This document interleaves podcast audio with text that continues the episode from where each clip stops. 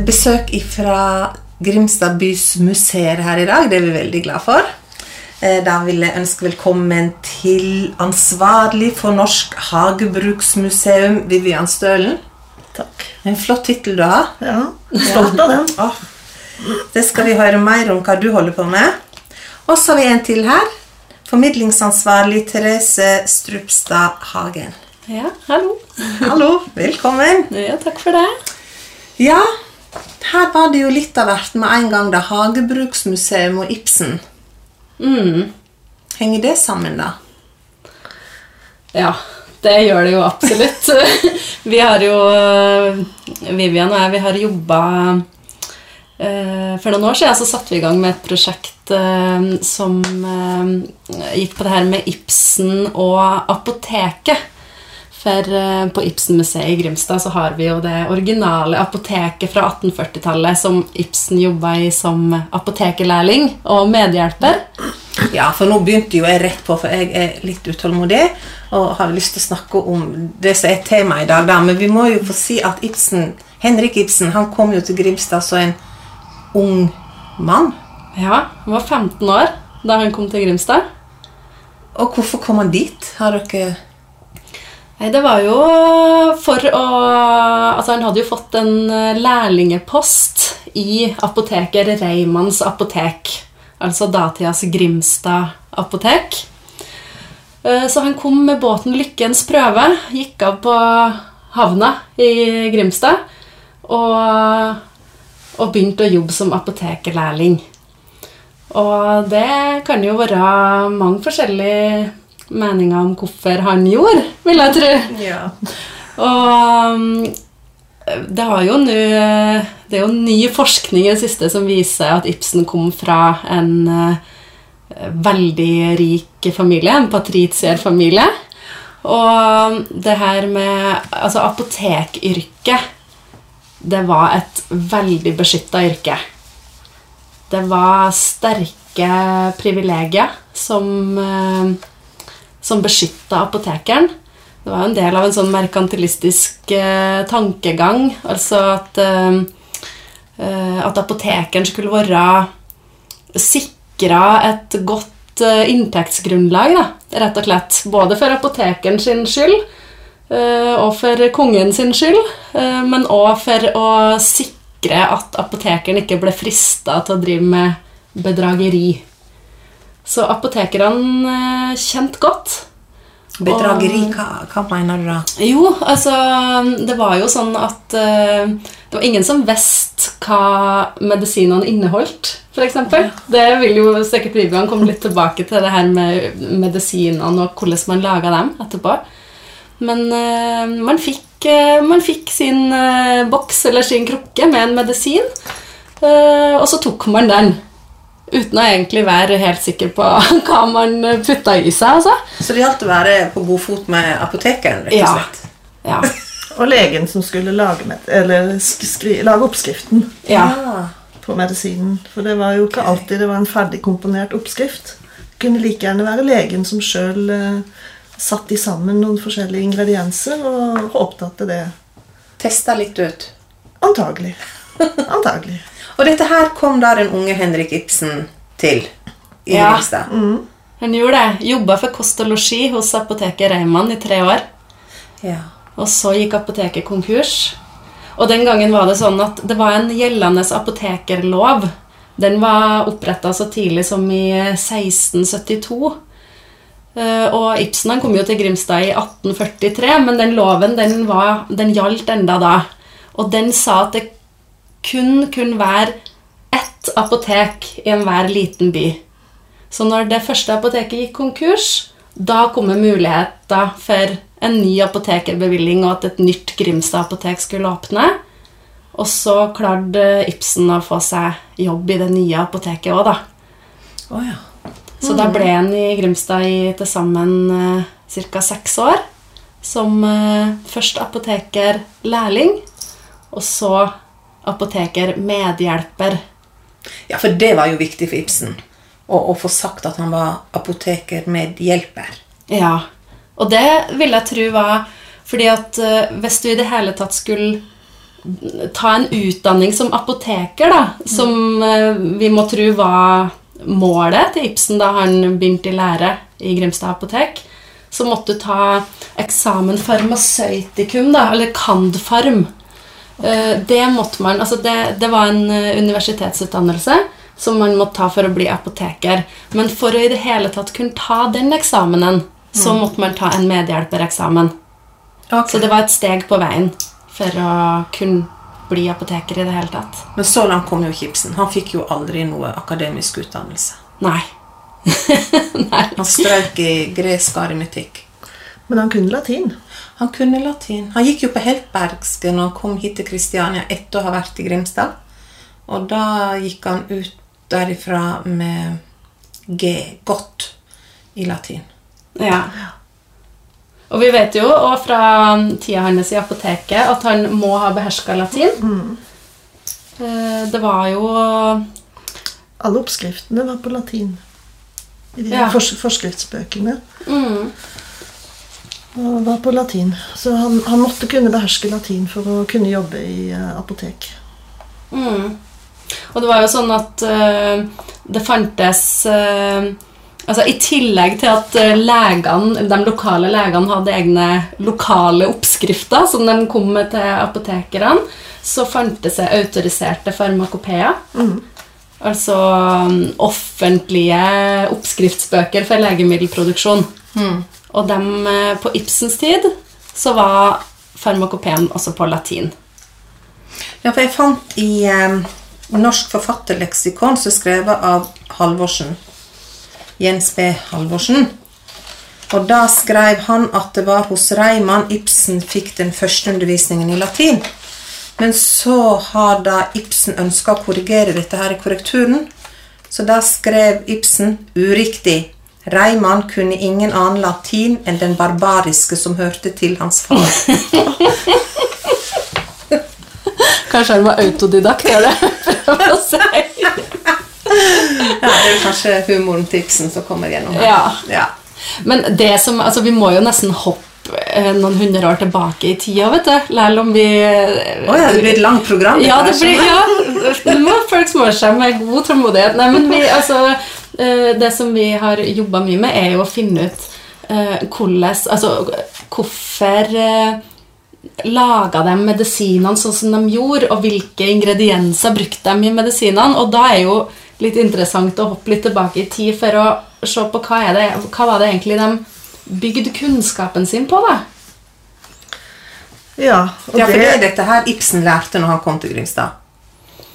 Ja, Vivian kan Det- si litt om det, tror jeg. Jeg veit jo ikke hva han lærte til å begynne med, men, men det som vi veit, det er jo eh, Hvis vi går 1000 år tilbake i tid, så var det jo Hippokrates som, som egentlig Eller eh, 2500 år tilbake i tid, egentlig. Hvor han, eh, han er jo kalt for legekunstens far. Og det var han som først så liksom, sammenheng mellom kost og helse. Det å leve sunt. Og, og få en sunn kropp. Balansert kosthold. Og han har jo det der kjente ordtaket 'Din mat skal være din medisin, og din medisin skal være din mat'. Og det sier jo ganske mye, for før var det mye trolldom og hekseri som folk også trodde på. Mye overtro. Mm. Og det var jo fortsatt den her urte... Altså eh, urtemedisin, hvis man kan kalle det, eh, som var gjeldende da Ibsen var apotekerlærling og medhjelper i Grimstad òg. Ja, og det er det jo fortsatt. Ja. Enkelte steder. Og mye av medisinen vår bygger jo fortsatt på, på uh, urter. Ikke bare kunstig fremstilt, men, men uh, ordentlige urter. Og disse urtene er det du jobber med. Jeg kan i hvert fall litt om, eh, om de.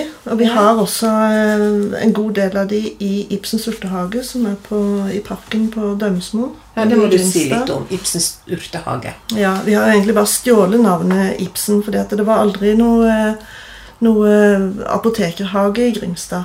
Selv om de på den tida kanskje egentlig var pålagt å ha det, så var det ikke praktisk mulig alle steder å ha en apotekhage. Men eh, Ja, Hva gjorde de da, da? De kjøpte. De kjøpte inn urter. Men eh, den eh, Ibsens urtehage som vi har eh, i Grimstad, den bygger på hvilke latinske navn som er på de forskjellige skuffene og krukkene på apoteket. Så vi har hatt en botaniker som har tyda disse navnene, og han har laga ei liste over hvilke planter som da kunne dyrkes i Norge. Og, vise, og da kan vi få vist hva som uh, var i bruk som medisin på den tida som, som Ibsen var i Grimstad. Og derfor så har vi lånt navnet Ibsen. Og Ibsens urtehage. Ja, og når du nå sier apoteket, så er ikke det Grimstad apotek i Nei, dag. det er det gamle apoteket som Henrik Ibsen jobba Ja. på. Ja, Ja. Og det har dere. det har ja, vi. det har vi, og det er verdt et besøk. ja, Det er et fantastisk rom å komme inn i, da. Det er for Nesten da- byens stolthet. Ja. Det lukter godt der inne. Det lukter godt, og Ja. man kan se for seg det når man kommer inn der, at det henger tørka planter og urter i hjørnene, og at Ibsen står der i, i laboratoriefrakk og skinnforkle eh, og betjener kundene som kommer inn døra. Og jeg tenker så ofte på alle menneskene han må ha møtt, da, og hvor mye han må ha visst om dem som bodde i byen. Hvilke drikkevaner de hadde, f.eks. For, eksempel, for apoteket var byens spritutsalg, og vin, vin hadde de lov til å handle der òg. Og hvilke sykdommer de hadde. Han ville f.eks. godt av hvis noen hadde syfilis. da. Og den eh, medisinen de brukte mot det, var jo kvikksølvsalve. Og, og det vet vi jo i dag at det, det er jo livsfarlig. Så, men altså, han hadde kunnskap om byens befolkning, og Og apotekerne og alle som jobba på apotek, de hadde fullstendig taushetsplikt. ja, lovpålagt. Ja. Ja. Så da var urtene i det her eh, apoteket, og så sto der den unge Ibsen og lagde de disse medisinene der. Noen av eh, medisinene laga han nok, for det var jo ganske enkle oppskrifter. Så det er noe han har kunnet etter, etter en stund.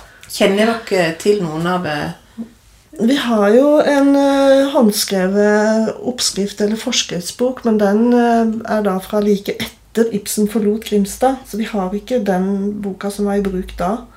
Men det er nok ikke så veldig stor forskjell på, Nei. på, på De oppskriftene. laga jo De trilla piller, da, eksempel. Ja, hvordan gjør Ja, det er jo Da, da lager de en uh, deig, egentlig, som i konsistens er veldig lik på Marsipan. Ja. Og ja, hva gjorde de så?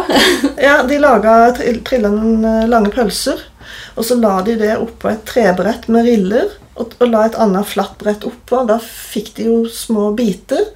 Og så ble de igjen trilla i en spesiell kopp til små, runde kuler eller piller. Akkurat som når vi baker boller i dag, egentlig. Ja, bare i miniformat. Ja. mm. Trilla ut hver lille pille. Nei, det var, det var noen sånne små trebokser som, eh, som de kunne legge flere piller i på en gang. Okay. Og så, og så ble dette her rulla, rulla rundt nedi der. Ja. Så det var, det var håndarbeid. Ja, og det holdt de på med til langt ut på 1900-tallet. Ja, altså. ja. Det er fortsatt altså, pensjonerte farmasøyter i dag som eh, har gjort det i sin yrkes, eh, i sitt yrkesliv. Eh, så det, det var vel først på 1970-tallet at legemiddelproduksjonen ble At det kom en industri, da. En farmasiindustri. Så veldig mye av medisinene har blitt lagd i apotekene helt frem til 1970-tallet. Og og det har også Ibsen vært med på, da. Og de lagde jo heftplaster og siruper og Tinkturer og eh, de, eh, de laga eteriske oljer. Ja, her er det mye heftplaster. Ja. Hva snakker vi om da? Før så var det jo mye snakk om at hvis du var forkjøla, eller noe, så skulle du ha sånn grøteomslag eller et omslag på brystet. Og det ble ofte kalt for plaster, så det er ikke den type plaster som vi forbinder med Donald-plaster nå. Nei. Det var et stykke stoff som var smørt inn med noe, og så lagt, lagt på det stedet som skulle helbredes. Så det ble kalt for plaster. Heftplaster. Ja. Og så nev- nevnte dere tinkturer. ja, det er urter som er trukket ut i brennevin. Og Er det snaps? Det kan det også ha vært. Vi kan jo bare gjette på hva de smakte på på bakrommet, Ibsen og kompisene i sin tid. De var vel like nysgjerrige, de, som dagens ungdom er, tenker jeg. Ja, for det ses jo det. Vi har, på Ibsen-museet i Grimstad så har vi jo utstilt noen eh, i et fint eh, glassmonter eh, tre sånne små salvekrukker fra apoteket i keramikk som eh, det sies at eh, Ibsen og hennes kamerater drakk eh, punch fra da, på, på kvelden og på natta når han hadde besøk av kompisene sine eh, på vaktrommet. For da kunne de fort eh, tømme dem og putte dem i lomma hvis det kom eh, gjester på, eller kunder inn til apoteket. Eh, og apoteket var jo faktisk også lovpålagt at de skulle være døgnåpen. Så det var 24-7 apotek i Grimstad. Så Ibsen det var opp natt og dag. Ja. Ja. Og de var også pålagt å, å hjelpe alle selv om ikke de hadde penger til å betale. Så måtte de hjelpe folk. De kunne ta pant i ting etter hvert. Ja. Hvis noen døde, så var det kanskje noe I i boet som, som ja. de kunne Så Men, alle eh, men alle måtte få hjelp. Ja. Mm. Det var veldig sterkt sosialt aspekt med den apotekloven som var gjeldende. Både det her med taushetsplikten ikke sant? Og, og det at alle, all hadde rett til å få utlevert medisiner når de trengte dem. Eh, Men samtidig så er det jo noen eksempler på uh, hvordan uh, Altså Ja, hvordan skal man forklare det? Men altså, vi ser jo altså, Det var det var én distriktslege i Nedenes amt, som det het den gangen, som er jo så å si Aust-Agder i dag. da. Uh, og han for på sånne lange visitasjonsrunder da, i hele distriktet. Og det var 10 000 mennesker som sogna til Grimstad apotek den gangen. Og så kom legen etter langt om lenge til apoteket, og da var det legen som hadde med seg reseptene til apotekets personale. Og da var det da altså oppskrifter eller resepter på hva som skulle lages av medisiner, og sendes ut igjen til, til de trengende. Og da, når medisinene, når, når Ibsen og, og apotekeren eh, hadde lagd medisinene, så ble de sendt eh, enten med post eller med båt dit de skulle. Og det kunne jo ta kjempelang tid. Så enten kunne jo pasienten være frisk, eller det som veldig mye verre når medisin kom fram. Så det var ikke liksom- øyeblikkelig hjelp, dette her. Nei, det var ikke noe legevakt. Nei. Nei. Nei. Nei, det var ikke det, altså. Men apoteket fungerte jo nesten som en legevakt. I og med at det var døgnåpent, og det var vel et sted som de kunne få hjelp.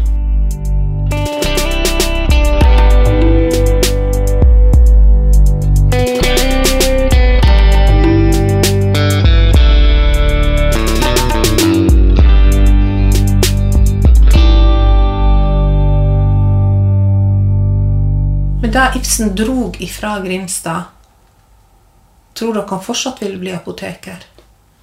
Nei. Nei. Nei, jeg tror han skifta litt retning, jeg. Han øh, Han hadde jo Altså, han ble jo aldri apoteker eller lege. Men han ble jo ikke det. Nei. Han ble jo ikke apoteker. Nei, det vet vi jo i dag, at han ble jo noe helt annet. Men, eh, og han, allerede mens han eh, eh, på apoteket i Grimstad så, altså Han hadde jo spesielt to gode eh, kamerater som eh, så at han hadde et talent for skriving, og som oppfordra han veldig til, å, til å fortsette å skrive. Og han produserte jo han produserte jo en del litterært eh, mens han bodde i Grimstad, og fikk den interessen der òg.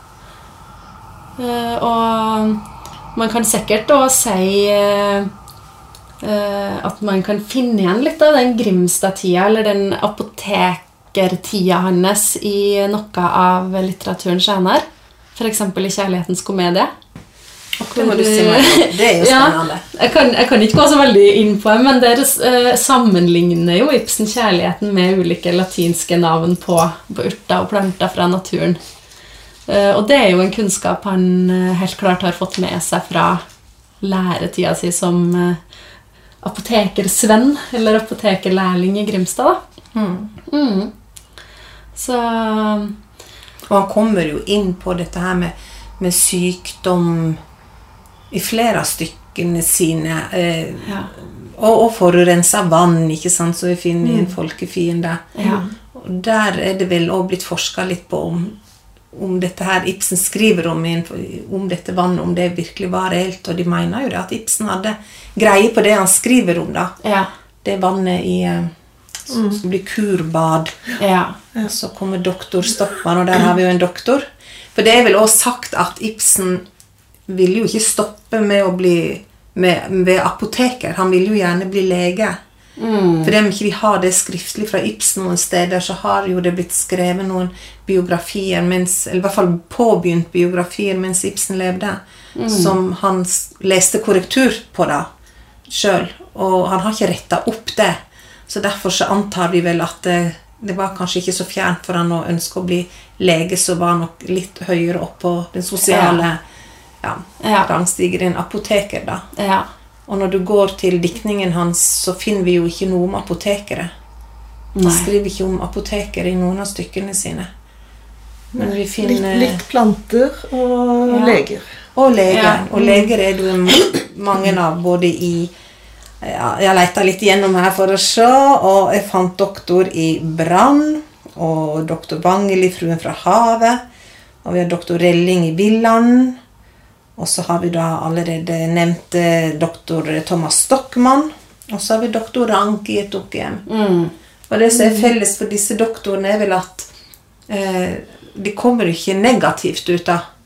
Så kan vi diskutere Stockmann, ikke sant. Eh, han er jo eh, en ganske sta mann, men en skal jo beundre han da, for han står jo på. Sterkest er den som står alene, og så kan vi jo diskutere om det er så lurt. Men eh, i hvert fall så står jo doktor Stockmann på for det han eh, mener og tror på. Ja. Så en kan jo irritere seg over han, men samtidig må en jo budre han litt. Ja, og så tenker jeg jo at eh, altså, til, selvfølgelig til syvende og sist så er det jo bare Ibsen som kunne ha svart på hvorfor han skriver det han skriver, og hvor han har henta inspirasjonen sin fra. Uh, han, har, alt, han har jo sagt at alt det som han dikterisk har frambrakt, har hatt uh, utgangspunkt i noe gjennomlevd eller noe han har opplevd. Men jeg tenker jo at de her viktige ungdomsårene Altså Han kom til Grimstad når han var 15 år. Um, og, og var der eh, gjennom eh, puberteten. Og, og de årene eh, gjør ganske mye med oss. Tenker jeg. De former oss på en eller annen måte. Og de menneskene vi møter da, de kan gjøre inntrykk på oss. Eller de kan gjøre oss forbanna, eller de kan inspirere oss på en eller annen måte. da. Og ofte så følger, følger dem en jo gjennom livet. Som, som dette her med leger. Det var Ja. viktig det her med lege for ham. Og dermed så kommer det igjen i bok etter bok etter bok. Så han har hatt et stort ønske, tror jeg, om å bli lege. Mm. Men ikke sterkt nok. Ikke, ikke sterkt nok, nei, for eh, ønsket om å bli forfatter, det, det var nok enda sterkere. Og Ja, for- heldigvis for det.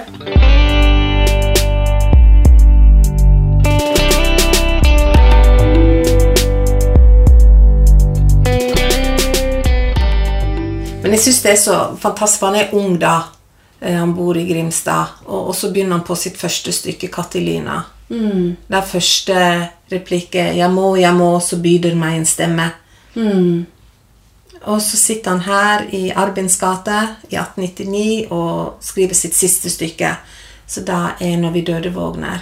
Og der er den siste replikken 'Jeg er fri, jeg er fri, min fangenskapstid er forbi, jeg er fri som en fugl, jeg er forbi'. Jeg syns det er så ja, flott. det er kjempefint. Det er litt store stor eh, bokstav og så punktum, da. Ja, Det er litt sånn gåsehudfaktor på det du sier der, syns jeg. Jeg synes, ja, Ja. vi heier jo litt på Ibsen her, da. Ja. ja, det gjør vi i Grimstad òg. Ja. Ja. Men du nevnte syfilis, og det skriver han jo faktisk om i, i hvert fall to av stykkene. Ja, det er jo gjengangere. Ja, Og To år før så eh, I et dukkehjem. Doktoren Ja. der, han har vel syfilis, han ja. Eh, og det er jo blitt sett veldig på dette her med eh, Osvald, da, om han hadde eh, fått arva det ikke sant, i, mm. fra fødselen av. Og, og jeg vet at det har vært diskutert om det, om det er riktig eller ikke. Eh, Men i hvert fall så kan en jo tenke seg at, det, at han har tatt med seg kunnskap fra Grimstad-tiden. da, Mm. og, og bruker det i stykket. ja. For på den tiden var det jo vanlig å tro at syfilis gikk gjennom arv. Ja. Og at kvikksølvsalve var botemiddelet. Ja. ja. Og Garborg han var ganske fortvila over all denne her syfilis-skrivingen til Ibsen. Så jeg har funnet her at Garborg skrev Hvorfor skal våre fremtidstanker absolutt serveres i en saus av syfilis og svineri? Ja. Nei, man kan liksom se for seg Jeg bare tenker jo altså Jeg må jo litt tilbake til det apoteket igjen, da. For Ja. jeg, jeg ser jo bare for meg så flaut det må ha vært for den kunden som kom inn og, og, og liksom Ja, det er syfilis. Eller kanskje legen kom med resepten. Legen har vært på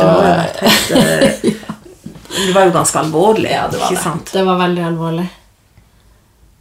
Og det var jo selvfølgelig alvorlige sykdommer da som nå, men det var jo ikke bare derfor folk kom til apoteket. da. Et apotek var så mye mer, og, og de hadde lovfesta rett til handel med, med vin og fargevarer og, og parfyme fra Paris og sennep og og det var, det var Det var ikke landhandel, men eh, det var mange eksotiske varer man kunne få tak i på apoteket. Luksusvarer. Ja, Post Måtte du hente posten Eller? Var det, jeg har lest Ja, det kunne man eh, altså, Reim, I det første apoteket som Ibsen var lærling i, hos Reimann, der eh, var det også poståpneri. Ja, så de hadde full kontroll på eh, byen, disse her. Ja. Mm, Både vinutsalg og post og medisiner og Ja. Og i, i Reimanns apotek så fikk jo Ibsen mye ansvar òg. Reimann var jo forholdsvis uh, alkoholisert. Og uh, du hadde jo et sitat her som, uh, som Ibsen hadde om Reimann òg. Men det fins jo Altså, Ibsen måtte jo møte Hvordan var det, da? Han han måtte signere på noen gjeldspapirer, var det ikke det? For, eh, på vegne av Reimann. Altså, han sendte den foran seg. Um, og jeg vet ikke om vi skal gå inn på den her eh, Det er kanskje et annet program, det men den her farskapssaken det var jo en del av eh, Det er jo der, ja, i Grimstad. Ja, det, det er jo også en del av livet hans der som, som er en alvorlig hendelse for den unge herr Ibsen, da.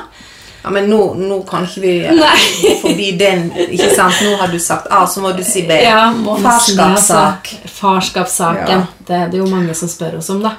Men uh, han, eh, det var jo når han tjenestegjorde i apoteket hos Reimann.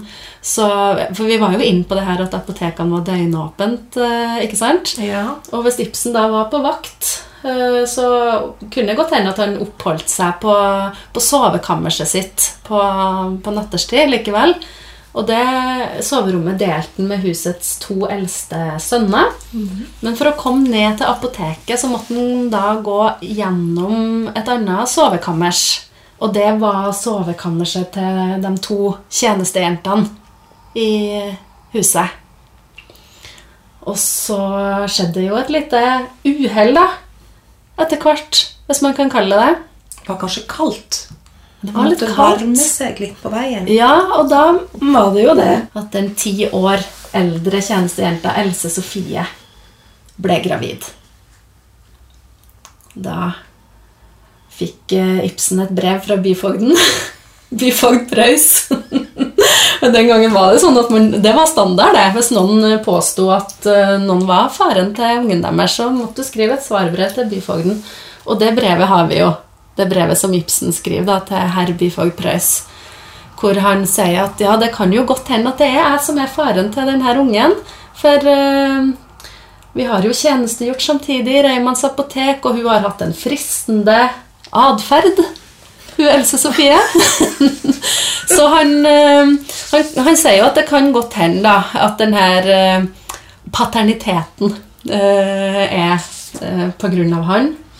Uh, og han blir jo da også idømt farskapet om å betale et oppfostringsbidrag, det vi kaller farsbidrag i dag, da, på 105 spesidaler i året. Helt til sønnen, som da etter hvert blir født, Hans Jakob Henriksen Birkedalen, blir 14 år. Så Hans Jakob får ikke Ibsen til etternavn. Nei, han får Henriksen. Ja. Det var jo stor skam det her med å få barn utafor ekteskap. Det var jo ikke uvanlig. Nei, det var jo ikke det. Det er jo også noe Ibsen skriver om. Ja, for det tenker jeg på. Han skriver jo mye om barn, Ibsen. ikke sant? Ja. Og det går veldig dårlig med disse barna pga. Ja. av foreldres valg. Um, og vi har jo den grønnkledde som kommer med den stygge ungen. Og, Ja. møter Per Gynt og sier 'Den Ja. lille faen, får du hilse på far din', og så vil Ja. ikke Per Gynt ha noe med han å gjøre. Og så har vi jo um, Ekstrøm uh, i Gjengangere, som, som blir betalt for å ta på seg uh, farskapet For Regine, Uh, for Regine. som er Osvalds halvsøster. Ja. det er mye intriger. Ja. Ja.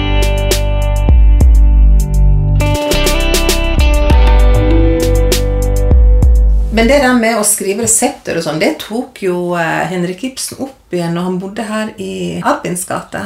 Han sier sjøl at han hadde stålhelse til han var 70 år. Eh, men så ble han jo en eldre mann, da. Og han har jo Jeg mener at de har funnet ut at han sendte i hvert fall tre resepter så som han skrev ut sjøl, da. Om legen fortalte han hva han skulle skrive, eller om han husker det sjøl, det det er ikke jeg sikker på, altså. Men eh, i hvert fall så har han sendt resepter til apotek som han skrev sjøl.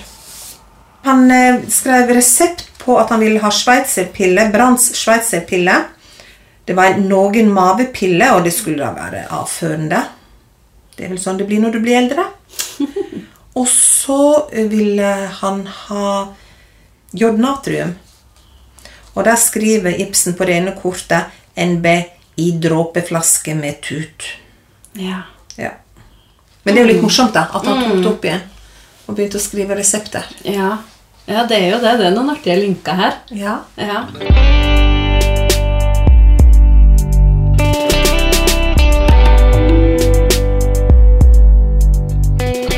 Det, det er jo spørsmål vi stiller alle gjestene våre her. Har dere et jeg vil ikke si favoritt-Ibsen-stykke, for det, i hvert fall for min del så skifter det dag for dag. Men um, har dere ett Ibsen-stykke dere har lyst til å trekke ekstra fram? Ja, Det er veldig vanskelig, da. Jeg syns det er vanskelig å velge. Uh... Jeg har i hvert fall sansen for Nora i et dukkehjem. Som er uh, tøff og modig Ja. og tør å gjøre det hun gjør. Ja. Jeg er jo veldig glad i teater. eh, Og veldig glad i Ibsen-stykka på teatret. Og har jo hatt en helt fantastisk opplevelse med å se Per Gynt eh, på Gålå.